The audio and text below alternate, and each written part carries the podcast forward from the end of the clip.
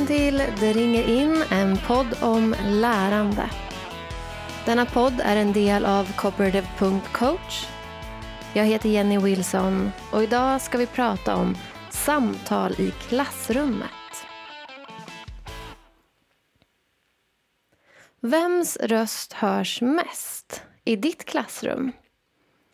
Är det din egen röst? Vissa elevers röster? Är det någon röst som sällan hörs? Jag hade en utmaning i mitt klassrum kring detta. När jag ställde en fråga till mina elever så var det ofta så att några elever, ofta samma elever, alltid räckte upp handen. Jag hade några elever som viftade frenetiskt och blev jättebesvikna om de inte fick svara varenda gång. Jag hade några elever som sa svaret rakt ut ganska ofta. Jag hade några elever som nästan aldrig räckte upp handen. Som kanske till och med gömde sig och försökte göra sig osynliga så att de inte skulle behöva svara. Och jag hade ibland vissa elever som inte ens hade hört att jag hade ställt en fråga. Jag kände mig inte helt nöjd med den här situationen. Det blev inte riktigt det demokratiska klassrum som jag ville ha.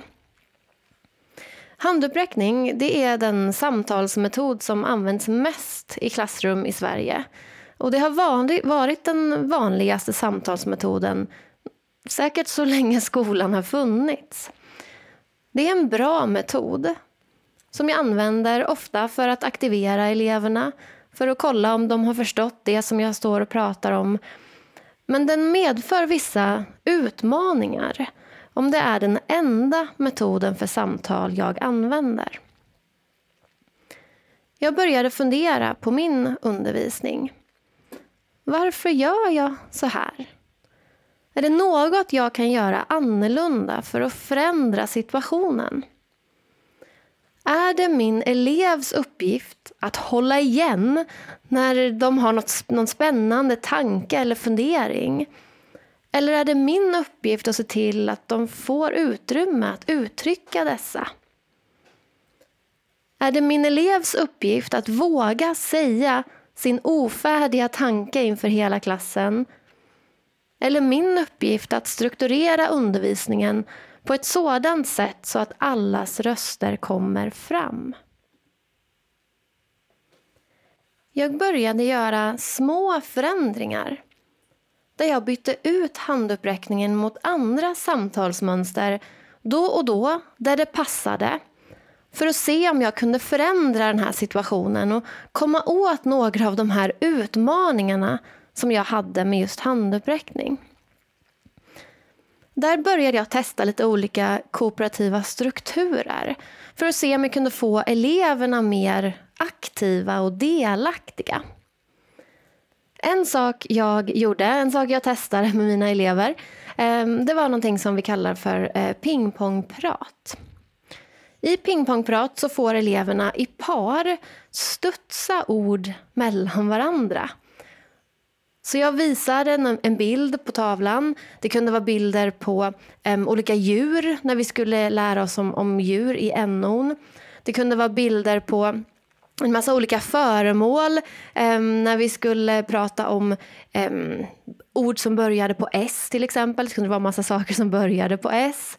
Det kunde vara um, en stadsbild och så skulle vi bolla ord på engelska kring vad vi kunde för ord som vi såg på den här bilden. Men jag använde ofta bilder och så fick eleverna tänka och sen fick de i par och i vissa fall i trios studsa ord fram och tillbaka. Någon sa ett ord och sen sa kompisen ett ord. Tills jag stoppade efter någon minut. På samma tid där, där jag i handuppräckning kanske hade fått tre eller fyra eller fem elever aktiva, så fick jag här alla elever aktiva. Alla fick säga någonting. I ett tryggt, litet par.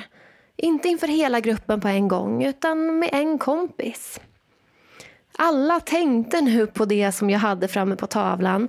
Ingen satt och, och tänkte på något annat. Ingen fick skäll för att de sa svaret rakt ut. Ingen var besviken för att de inte hade fått säga något. Med hjälp av pingpongprat så kunde jag komma åt vissa av de här utmaningarna eh, och se till att allas röster blev hörda. En annan sak jag gjorde då och då det var att jag använde strukturen EPA, enskilt par alla. Eleverna fick en fråga att tänka på. De fick fundera själva en stund. Sen fick de vända sig mot kompisen bredvid och prata om den här frågan med varandra en liten stund. Och sen så lyfte vi några tankar i hela gruppen. Återigen så fick alla chans att prata i en, en trygg liten miljö. Och där vi kunde få fram fler tankar från eleverna än om vi hade gjort handuppräckning. En tredje kooperativ struktur som jag ofta använde med elever det var Berätta Mera. I Berätta Mera så får eleverna gå runt i klassrummet med handen uppsträckt och hitta en kompis, göra en high five och sen samtala om frågan.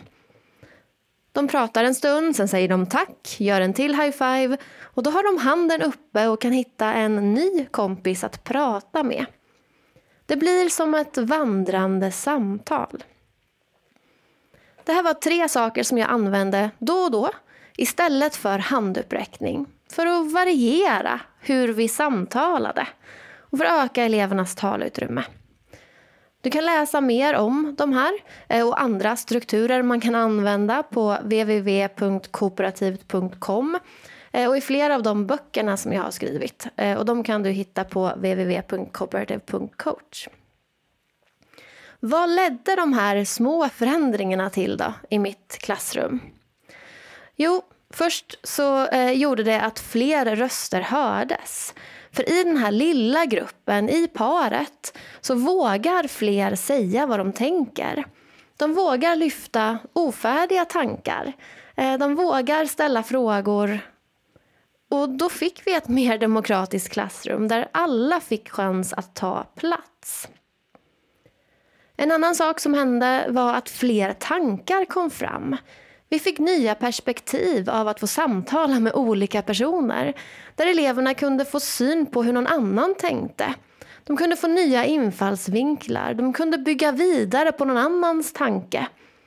Vi kom djupare kring frågorna när alla fick chans att lyfta sina tankar.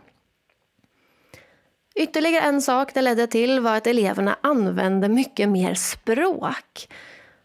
De använde ämnesbegreppen, de testade nya ord, de bearbetade det vi lärde oss om tillsammans. Och Det gjorde att de lärde sig mer. De befäste kunskaperna och de utvecklade både språk och kunskaper kring innehållet. En annan sak det ledde till var att eleverna fick bättre relationer med varandra. De fick nya kontakter, de hittade varandra, lärde känna varandra fick bättre relationer med dem runt omkring vilket gjorde att de kunde närma sig varandra även utanför lektionen. Det påverkade elevernas mående. De trivdes bättre i klassen.